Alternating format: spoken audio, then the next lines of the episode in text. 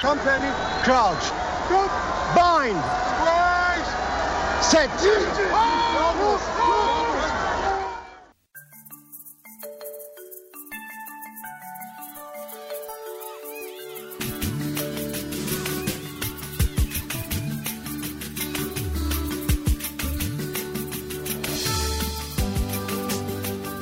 Ons gaan vandag voort met ons helde van die Rugby Wêreldbeker en fokus op die jaar 2011. Die Rugby Wêreldbeker van 2011 het vroeg geëindig vir die Springbokke en die naam op almal se lippe was nie die van 'n speler nie, maar van 'n skeieregter. Bryce Lawrence van Nieu-Seeland het die Suid-Afrikaanse publiek se nommer 1 vyand geword as gevolg van sy hantering van die kwarteind teen die Wallabies in Wellington. Om die waarheid te sê was dit egter nie 'n gelukkige opbou of toernooi vir die Bokke nie. Afrigter Pieter de Villiers was vasbeslote om baie van die spelers wat 4 jaar van tevore suksesvol in Frankryk was, te behou. Maar die Nieu-Seelandse toernooi het bewys dit sou 'n brug te ver wees om te bereik. Daar was 'n paar uitstekende spelers soos François Hougaard, Skalk Burger, Bismarck Du Plessis en Pat Lambie, maar ontydige beserings en verkeerde spankeuses het 'n stokkie voor die Springbokke se kansse gesteek. In 'n toernooi wat gekenmerk was deur strawwe mededinging, was dit moeilik vir individuele spelers om uit te staan. Die Wallabies het goeie spelers gehad soos David Pocock, Dan Wickerman, Radiki Samu, Adam Ashley Cooper en Will Ginia, maar daar is te veel swak plekke en hulle word in die halfeind deur aardsvyande die All Blacks uitgeskakel. Wallace was sterk en het ook in hulle groepwedstryd teen die Bokke goed gevaar. Daar was spelers soos die kaptein Sam Warburton, Jamie Roberts, Shane Williams, Mike Phillips en Toby Falatau wat hulle liggame op die spel geplaas het, maar hulle het nie oor die diepte beskik om die trofee te wen nie.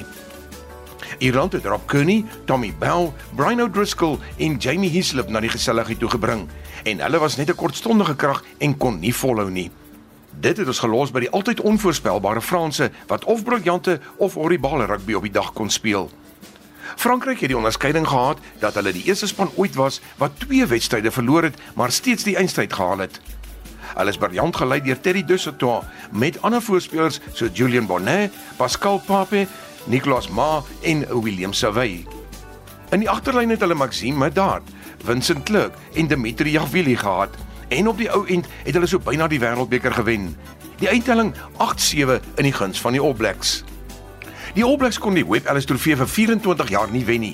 Dit was sedert die eerste toernooi in 1987 en die land was in vervoering toe Richie McCaw vir David Kirk navolg deur die trofee omhoog te hou en die oorwinning op Eden Park in Auckland te behaal.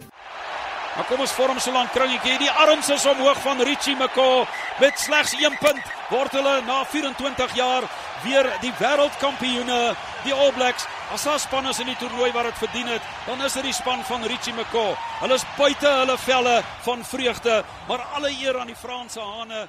Dit was geen verrassing dat die speler van die toernooi een van die manne in swart sou wees nie. Maar wie? Kom ons loer na 'n paar. Jerome Kaino, die flank het pragtige spel reg deur die toernooi gelewer. Kieran Reid het in die voetspore van Zinzenbroek gevolg en homself as ongetwyfeld die beste agste man in die wêreld bewys. Brad Thorn, wat die oudste man geword het om in 'n wêreldbeker eindstryd te speel. Conrad Smith, die Hurricanes se senter wat die agterlyn van die All Blacks soos 'n dirigent laat regtrap het.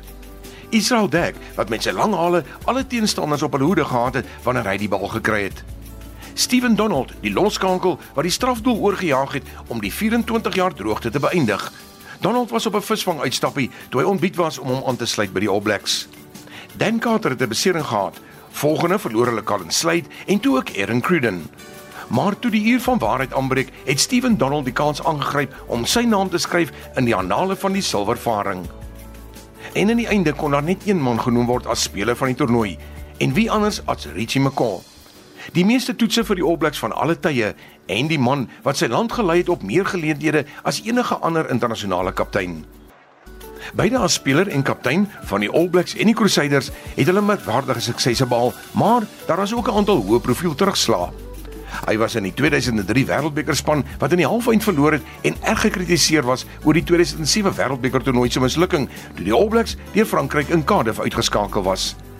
Uiteindelik lei hy die All Blacks na die 2011 oorwinning terwyl hy vir 'n groot deel van die toernooi met pyn as gevolg van 'n gebreekte been in sy voet gespeel het. 'n Verder bewys van sy karakter en toewyding. Daar is geen twyfel nie dat daar nie in die te verre toekoms na hom verwys sal word as Sir Richard Hugh McConey, 'n gerespekteerde opponent van die Springbokke en miskien die grootste All Black van hulle almal.